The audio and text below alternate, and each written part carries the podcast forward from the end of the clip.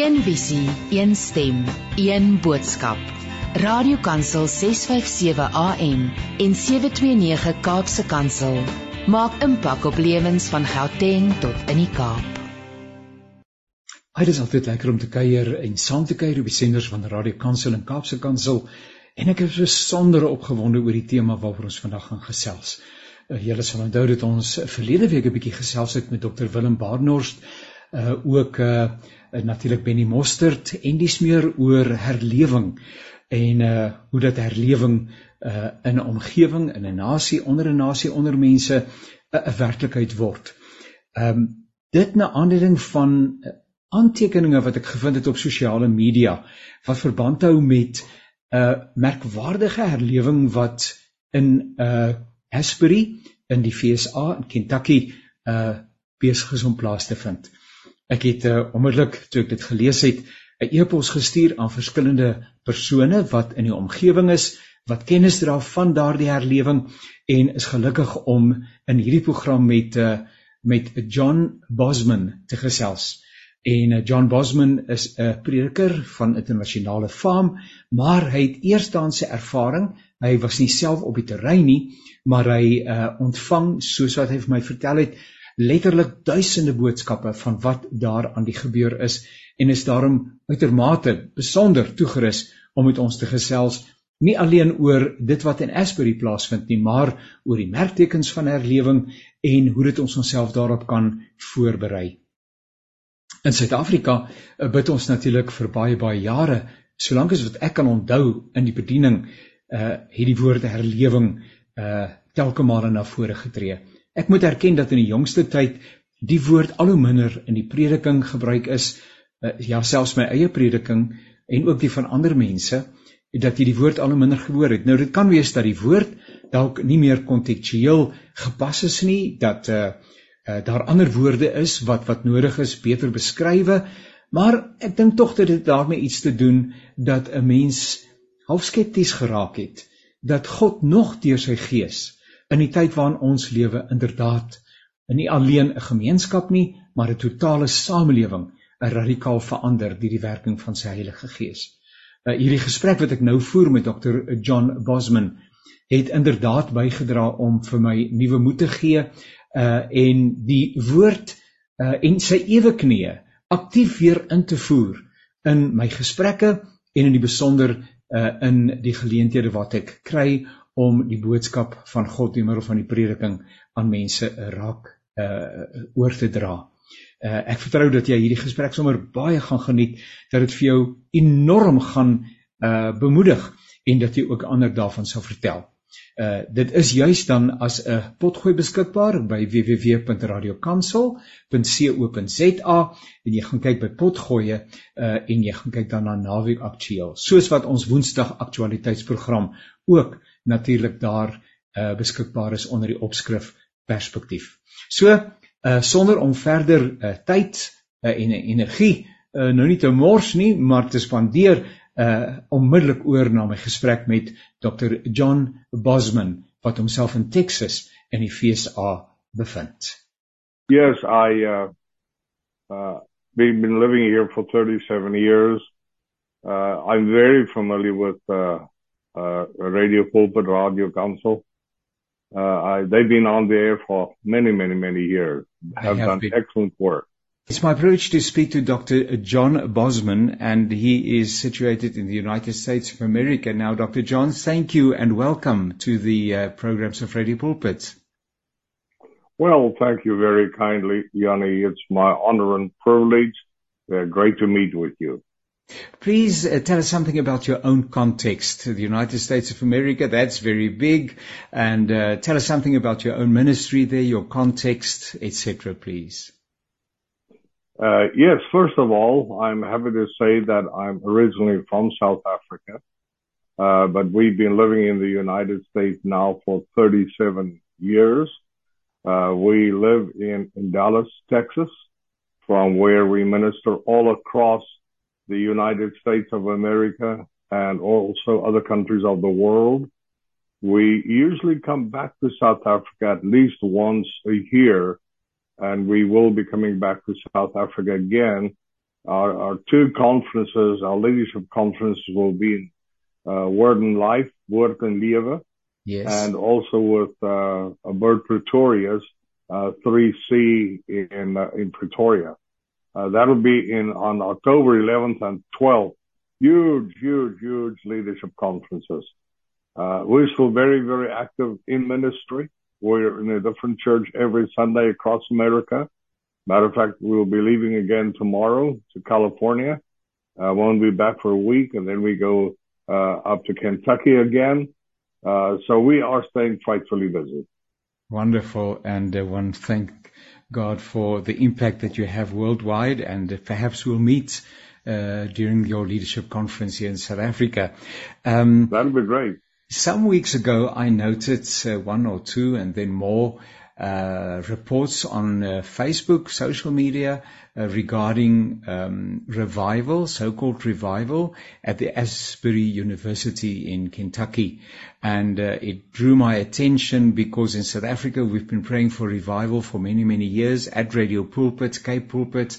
In our own church, many churches uh, have had a burden that God would meet with us uh, in in the power of His Holy Spirit and uh, and transform us as individuals and also our nation. And then when I saw about what was happening there, um, I was just so excited. And since then, it's been our prayer that uh, perhaps some of that uh, that we may also experience some of that. Now, you're not on campus.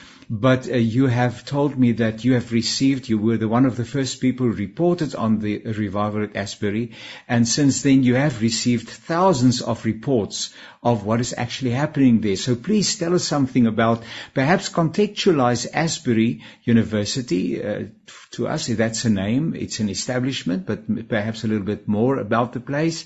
And uh, then what, what's happening there and what has been happening there in the recent uh, days? Uh, thank you. Thank you for the opportunity, uh, Jannie. Yes, uh, the revival started with a group of students at a university called Asbury University, which is not a very large university. And it is located in a small town called Wilmore, uh, in the state of Kentucky in the United States of America. The town itself is very small and has a population of only about 5,000 people. Yes, yes. Uh, and we can later on talk about that uh, a little bit more because the size of the town is really what finally made the determination of where the revival would be going futuristic. yes. Now, Asbury University, as it is, is of the Wesleyan persuasion, uh, and they have a strong slant towards holiness. yes. Uh, the inscription in their main auditorium above the platform is, is holiness. Holiness unto the Lord. yes. Uh, for that reason, I'm not surprised that uh, this revival broke out uh, in Asbury. So I believe a couple of students came together for a worship service, and uh, and that just kept on going. Uh, it didn't stop until now, as you've said, and we'll refer to that a little bit later, because of logistical uh, reasons. The, the, the, the people, the folk and so on, and also the campus uh, management decided that we have to decentralize what is happening here because the logistical uh, impact and burden is just something that that town cannot bear. But uh, it all started with a couple of students simply uh, worshiping the Lord and then decided not to go home like regular students would do. Right, right, right. Yeah, uh, yeah, it's uh, it's amazing.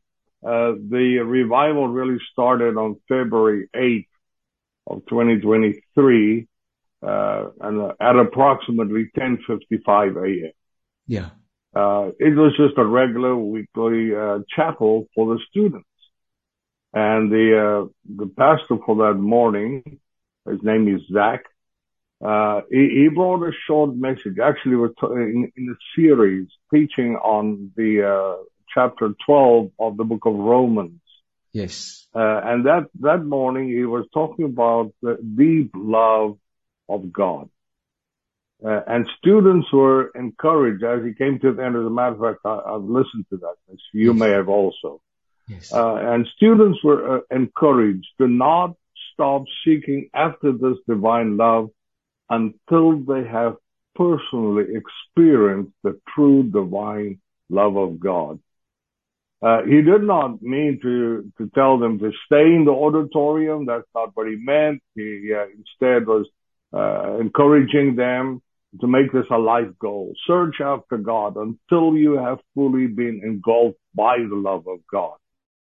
How do we know that what's happening is revival? Yes, uh, I think to, to understand what we are talking about, we need to ask ourselves the question, what does the word revival mean? Uh, I believe that the word revival means to live again, to revive, to live again. It's impossible to receive or to revive something that has not lived before. Therefore, I believe that revival has to do with the body of Christ. It has to do with the church.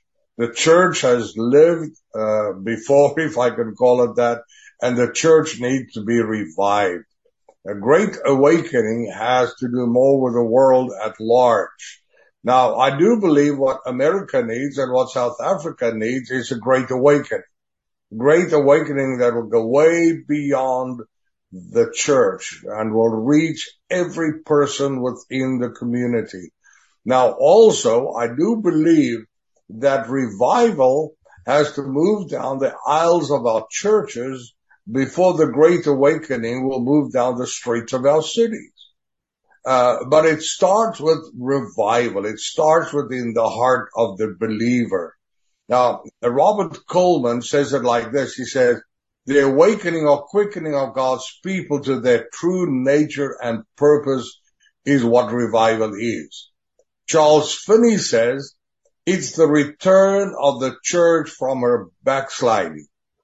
Richard Owen Roberts says it's an extraordinary movement of the Holy Spirit producing extraordinary results. Now, I believe all of those three statements are what we are seeing uh, in the Asbury revival. We all desperately need a move of God. We all desperately need an awakening. We, we need the saints to come alive. So I believe revival is a necessity in the days that we are living. Dr. John, um, revival is a work of God. It is, God is sovereign and He decides when and where and how. That on the one hand, how do you balance that with uh, the hunger in the hearts of God's people for revival? Because God can give revival even though we don't seek Him. I mean, he could just do supernaturally decide, well, this is the time. So my question really is, are there prerequisites to revival? We should live in expectancy, but God answers as he wishes and when he wishes. I do believe, uh, Jannie, that it is a proven fact that no revival has ever taken place without seasons of intense prayer. Uh, and that prayer needs to include repentance and forgiveness, a contrite heart, prayer Sincere, concentrated prayer remains the prerequisite for revival. It all, always starts with prayer. And when I say prayer, I'm not talking about uh, polite prayers. Uh, most all of us, if you're a Christian, you pray. Even if it's just over your meals, you pray. When we wake up in the morning, hopefully everybody prays. Before you go to bed at night, we pray. When we go to church, we pray. But those are all polite prayers. Those are habitual repetitions of our thoughts. Yes. That's not the kind of prayer that triggers revival. Revival is a contrite spirit, getting yourself into the presence of God. And I, I, I still believe the best place to do that is for every believer, every child of God to have a secret place where they can meet with God.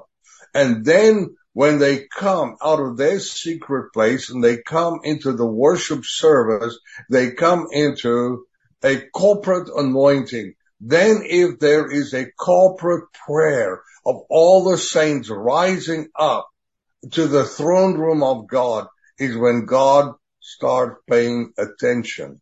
Because also at the same time, stop me if I'm saying too much, Not, not at all. I also believe the, the Holy Spirit, uh, the dove is hovering, trying to find a place of outbreak, trying to find hunger, trying to find people that will set their schedules and their agendas and their opinions apart and see God with a whole heart. Because when we do that, God promised us that he will respond.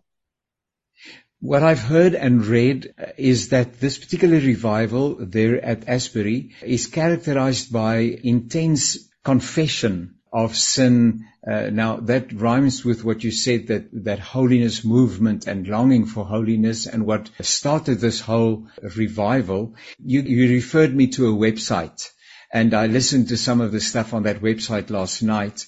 And there was a word that is being repeated by different people when they report on the revival. And it's such a wonderful word. It is the word sweet. People said that this revival is characterized by the sweet presence of God. And which is wonderful that the Holy Spirit convicts of sin, but is not there to dish out punishment and judgment and chase people away. That word sweet is just such a wonderful description of the presence of God. Yes, uh, I believe that is very accurate, and you are right. That is what people are saying about the revival. I think basically the revival can be, can be called revival of repentance. Yeah. Uh, and the result of repentance obviously is forgiveness. When there is an attitude of forgiveness, so I, re- I receive the forgiveness, there is a sweetness and there is a peace that prevails. Uh, and I, I've heard over and over from so many reports that because of the repentance, uh, it, it brings forth sweetness. It brings forth uh, brokenness. Uh, and that's another great uh, identifier of this revival is brokenness. Uh, there is a brokenness that came. I, I, I, just read a report from somebody else just a moment ago. Uh, he said, if I can, I'm going to read it right off the report I just got. He said, attending the revival at Asbury was an unforgettable experience. We could literally feel the weighty presence of God as soon as we walked into the building. Sensing God's presence in that way and knowing that this was an unplanned service that had continued since Wednesday, February 8th, I got emotional within the first few minutes of being there. Sure. It is an amazing thing that is happening. And in our previous attempt to record, uh, I made mention of the day when it broke out. Some students stayed there, but others went back to their class. And this, this is the, the, the thing that really gripped my attention. Students that went back to their class on that first day sat there for a, a, a little while and suddenly they felt they could not stay in their classrooms anymore and said to their professors, we're sorry, but we cannot stay. We have to go back. We have to experience that sweetness. We've got to experience the presence of God. And they were allowed and dismissed from the classes and returned. Just a handful and then more. And by that evening, the place was packed out with people on their faces before God. I read a report where somebody said they knelt down on the carpet in front uh, of the platform and they felt that the carpet was damp because of the tears. Sure. There were puddles of tears on the concrete floor between the benches. There was a prevailing atmosphere. People came in there and they could not leave again. That is when God's presence comes in when we put our doctrinal differences aside, when we put our opinions aside, our agendas and our own personal experiences or expectations aside, God will show up. No doubt. In the past, one heard of reports of revival, and then things happen that you as a Christian find difficult to identify with. And I'm not going to be specific, but you would know what I'm talking about. All kinds of demonstrations and what have you that you sort of do not find in the Bible and you want to give God the, the benefit of the doubt. He can do what he wants to do and the way that he chooses to do it.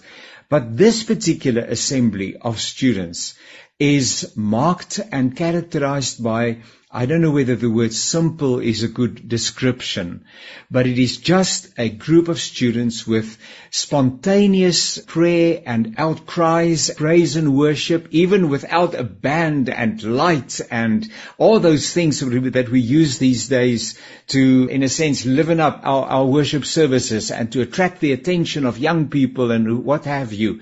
This is just it's just young people under the conviction of the Holy Spirit. There is, there are no excesses. I don't know what word describes, uh, perhaps you have a word that would describe what I sense in my spirit. What, what is going on, you're saying it right, Jannie, it's unorganized and it's unplanned. It is simply led by the Holy Spirit. Nobody's in charge. Nobody's leading it. Nobody's trying to add a personal name to it. It's all about Jesus, about nothing else, all about Jesus. Uh, the Holy Spirit is leading it. It's, it's amazing, uh, the things that are, are truly happening there. And, and you know, I, I, preach in very large churches, in many churches across the nation. Uh, and I, I, I see all these lights, strobe lights and the smoke and the fog machines and and all those, and I've got nothing, absolutely nothing against that. It doesn't bother me. It doesn't do a thing. Yes. I, am okay with that. Yes. However, I'm, I'm sometimes I'm thinking because of the absence of the presence of God, we have miserably tried to bring in substitutes. Yeah. And substitutes don't work. God wants the genuine. Please understand, I'm not opposing any of those things. Yes, yes. They cannot be substitutes for the presence of God. And that's what's happening there. It's plain, it's simple, it's unplanned, uh, it's unorganized, but it is not disorganized. Yes, yes. Which is very important. It is very much in order. Nothing is happening out of line, out of order. I understand when you're talking about all those manifestations that sometimes come out of a revival that you really want to say, is that truly God? Those things are not happening there. God does not need those kinds of things. God needs a contrite heart, a sincere spirit seeking after him. That's all he wants. And I do believe sometimes, uh, like we, uh, I used to play hide and seek uh, with my children, and now I, I do it with my grandchildren. But some of them are now too old to play that with them, but some of them are still small. Yes. And then I hide, and uh, they trying to look for me. And yeah. I, I, I try to hide in places where I think that they won't find me. Yes, yes. And sometimes I hide in places where I want them to find me. Yes. And sometimes when they're looking and they can't find me and I'm standing behind the door, I just tap the door a little bit with my foot so that the door will just move a little bit so that they can find me. Yes. And sometimes I think that's with God. Yes. Sometimes we feel like he's hidden. Sometimes we can't find him. Yeah, yeah. But sometimes he just kicks the door a little so that we can find him. It's a wonderful. And sometimes we miss those moments when that fluttering of the Holy Spirit comes upon us. Yes. And the Lord says, I'm here. Yes. But we are too busy we are running too fast. We do want to come to our phones too quickly. Yeah. Get into social media so quickly. Yes. That we don't take the time to find it. Perhaps two last questions. Uh, the first one is in your ministry, personal ministry, um, have you experienced times of revival? Yes, sir. Yes. Uh, I've been a pastor for most of my adult life. I pastored quite a sizable church. We've had seasons of revival there. We one time when unexpectedly broke out. Unexpectedly. We started with just a, and I'm not going to go into detail, take too long. We started on a Thursday evening with just simple presentation. By Sunday night, our 1500 seat auditorium was back to capacity. Yeah. We, we could not stop there. We realized God was doing that. God was doing something great. We continued that, that move of God continued in our church for nine weeks. Sure. After nine weeks, more than 4,300 people made a commitment to Christ. Sure. It resulted in us in having to build a worship center that could seat 3,200 people. Yes, we have, there have been seasons of breakthrough and seasons of revival.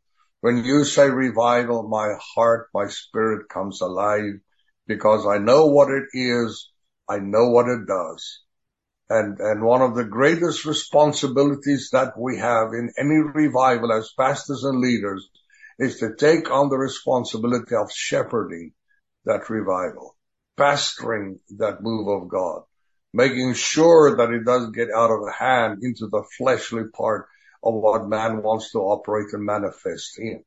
We, we need to pastor that. We need to guard it. We need to protect it with all and everything in our lives. Uh, those things are, are, vitally important. But, but Jannie, I, I do need to say this. I do believe why we've had so many seasons of revival in our last church uh, is because of prayer. Again, coming back to prayer. We had 11 different kinds uh, of prayer groups.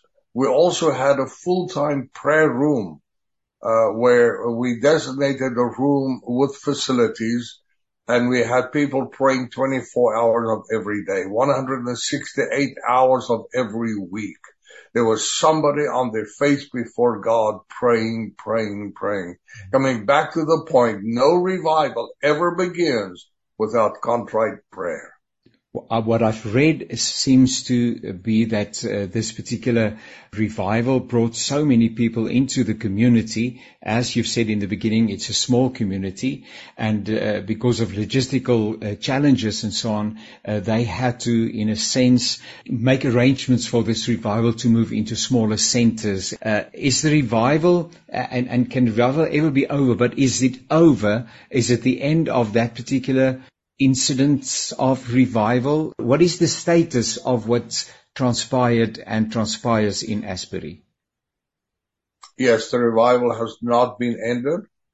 Uh, the last uh, 24 hour service ended uh, on Tuesday evening, February 21st. That was the last of the 24 hour uh, prayer time, if I can call it that. Yes. Uh, and there are many reasons for that. But the revival has not stopped. Uh, starting today, uh, students will be able to come back in the evenings, but it will be restricted to students and young people of 25 years and younger only. However, starting tomorrow evening, February 24th, many other venues, alternative venues will be open where other people can, can attend. Uh, I like the fact that they want to keep the, the main auditorium and the main thrust among the young people, uh, and the emerging generation. Uh, they, they feel that's where it started and that's where God is moving. uh, and, and I think that was a good decision. I realize that there are a whole lot of people that are very negative about that. Uh, but somebody had to pastor the revival again, using that term. Yes. Somebody yes. had to take the leadership. The students do have to go back to class. They're True. getting ready for finals. Yes. Uh, our educational year ends in, in May. Uh, they're getting ready to finalize, close this year. There has to be balance. Anything that's running without balance is off sync. So all of that needs to be uh, in balance. The revival has not been shut down. If anybody says it's been shut down, pardon me, that is not correct. It has been changed, uh, and it is ongoing. But this is what I do want to say, Jannie. Uh, most all of the people that have been there have been touched by all of them have experienced the presence of God. Well, let me say most all. I'm sure that there are some people that were just inquisitive and yes. seeking nothing. By just trying to see what's going on. But most of the people have experienced something from God, have received something from the Holy Spirit. I think the best thing that we could ever do is now take that back to our churches all across America and even back to our countries because there have been people from many countries that have come in. As a matter of fact, I just heard uh, yesterday that a mighty revival as a result of the Asbury has broken out in Uganda. Sure. Uh, uh, and mighty things are happening in Uganda right now because of this revival. I'm saying let's take it back to our churches, but let's not try and put it in the mold of what we want it to be, yes. but simply come with contrite hearts to God with great expectation. South Africa, as many nations in the world, probably the rest of the world, faces many, many, many, many challenges. And our people are desperate, they are angry, they are frustrated, and many other things. And they are not to be blamed because uh, the the tension and the stress that people are being uh, submitted to is something that we've not known. We need God, not for the sake of South Africa in the first place, but for the glory of God.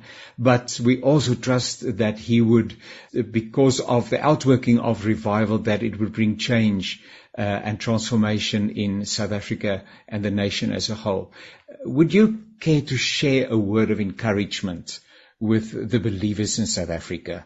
And what we are experiencing. And I'm sure that you're in contact and read a lot and hear from your uh, people in South Africa. As you said, you come from South Africa, uh, what our daily uh, diet consists of. Won't you share a word of encouragement with the people, please? Jannie, my heart bleeds for South Africa. My heart bleeds for my people. But as you're asking me that question, the verse that came into my spirit immediately is, I will lift up mine eyes unto the hill. From where cometh my help? My help cometh from the Lord who created the heavens and the earth. Jesus is still the answer when I look at all the things that are happening, I hear all the things that are happening in South Africa, it looms up before us like a mountain. It looms up uh, so big that we cannot see the beginning and the end. And because of that, it even dims the light and shadows disaster. We cannot see beyond the mountain. We cannot see the solution. We cannot see what's beyond. We, we do not know how and where is this going to end. Who has to make that decision? And many times we still, in very simple way, concentrate so much on the mountain. Yes. That we forget about our God. I lift my eyes onto the hills, to the mountains but my help cometh from God. And the good thing is that when you're standing facing a mountain, you're standing in the shadow of the mountain, the one thing we have to remember, the fact that there is a shadow that we're standing in is proof that the sun is shining on the other side of the mountain. Mm-hmm. There is hope beyond the mountain. God is still in control. What can we do? What should we do? I want to say get our eyes off the nation's challenges and get them fixed on prayer again. Then we have to have a mind for revival. We've got to think revival, pray revival, preach revival. We've got to become serious about it. It shouldn't just be another program because it's not a program. It's a move of God. Because truth is where your focus is, your life will go. If we focus on the problems, that's where we will go. But if we fix our minds on Christ, He is for today. I want to say we have to forget denominational differences. Yes. And we've got to have a Holy Spirit mindset. We, we have, we have too many camps. Well, that's not only true about South Africa, it's true about all the nations. We have the same thing here in the United States of America. But I don't know if I uh, have enough time to share with you a vision uh, that David du Plessis had. I don't know if you've ever heard of, of uh, that name. He, he was from South Africa and then he moved to the United States many, many years ago. And he was greatly used of God in the charismatic renewal. He said he was standing looking at a big pond. Uh, and this big pond was filled with, with water, obviously. Uh, and there were lots of ducks swimming on the pond. And he said, but he saw the divisions like a pie. Uh, when he cut up a pie in the fences, uh, which represented denominations and each denomination's ducks were swimming in their own little area. And then he describes people that were very methodical and he said those were probably the Baptists. Then he saw some other duck going under and coming back up. He says those are probably the Baptists. And then he, then he uh, saw a lot of ducks making a whole lot of noise and he said those are probably the Pentecostals. And, uh, so he described so, so many different, uh, uh, and so he goes on to say, and when he looked at that, his heart was broken because all of these ducks are supposed to be connected to God, but they're not connected to each other. Yes. He said, and he started weeping. And as he was looking at that, he looked up and there was a huge cloud that came over the pond. And then as he was looking at it, it started to rain, torrential rain, pouring down. And mm-hmm. as that rain was pouring down, the water was rising and rising and rising yes. until there were no more fences and yes. all the ducks started swimming together and all the ducks were all part of one big pond. Correct. Yes. I, I'm looking for that. I'm looking for that. We always have our differences. Yes. But may God help us to rise through the, through the torrential rain of the Holy Spirit above our differences and not see our differences. Yes. Not ask ourselves the question, do we sprinkle? Do we immerse?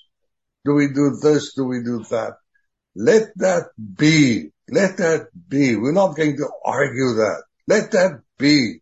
But let the rain of the Holy Spirit fall. Let the water rise. Let the fences disappear and let the children of God begin to blend together. And I, I can tell you this, Jannie, the day that happens, there will be no stopping in South Africa, no government, no rulership, no president, no nothing will be able to stop what God is going to do in South Africa. That is our answer. That will be the resolve. Dr. John Bosman, thank you so much for your time. This has been a wonderful, wonderful time with you. Uh, personally, I'm so encouraged, and I'm sure that our listeners at Radio Pulpit and Cape Pulpit, and uh, I hope uh, more than that, will be so encouraged and that they will commit themselves, and we will commit ourselves to uh, prayer, as you've said, and uh, we look forward to that day that God will meet with us and with you, uh, with the world, in the power of His Holy Spirit and revive us again. This morning I had an interview on radio. I do a Christian perspective on the news and I refer to that beautiful song, Robin Mark, where he sings and he says, revive us, revive us, revive us with your power. And then he says, I sense it in my bones. Something is about to happen. And that sensing is indeed with us. And so may God meet with us uh, in these days. Thank you so much for sharing. And uh, as you've said, you're a busy man, uh, traveling the, the world, uh, pastoring, ministering in different settings and so on. Uh, may God continue to bless you and uphold you, keep His hand upon you, uh, grant you travel mercies, and please give our regards to your family. Uh, children and especially the grandchildren. Thank you, Jan. It was my great honor and privilege to be with you. Please stay in touch. May the blessing of the Lord continue to be upon you. Thank you. I would love to interact again in future. Thank you so much. Please do. And goodbye. Thank you so much. Goodbye. So gesels Dr. John Bosman na aanleiding van die herlewing in Asbury in Kalifornië in die VSA. Jy kan op sosiale media uh, op die internet kan jy maar net die woordjie Asbury University Revival intik en jy sal wonderlike materiaal daar vind. Uiteraard is nie almal altyd opgewonde oor dit wat gebeur nie. Ek dink 'n ou moet maar vir jouself vra of dit wat jy sien, ervaar, hoor of dit getuig met jou gees. In my geval, sonder enige twyfel, uh het ek die ervaring dat hier 'n pragtige werk van die Heilige Gees is en die versigtiging dat die Here dit ook in ons eie omgewing, kring en verwysingsraamwerk 'n werklikheid sal maak. Ons kuier graag weer volgende week saam as die Here ons uh, daartoe in staat stel. Pas jouself baie mooi op. Onthou om die woord herlewing terug te bring in jou woordeskat en te bid dat die Here ook in ons tyd uh, iets baie besonder sal doen in hierdie pragtige land Suid-Afrika met sy baie mense, maar wat die Here so so nodig het. Tot 'n volgende keer, alles wat mooi is. Een visie, een stem, een boodskap. Radiokansel 657 AM en 729 Kaapse Kansel maak impak op lewens van Gauteng tot in die Kaap.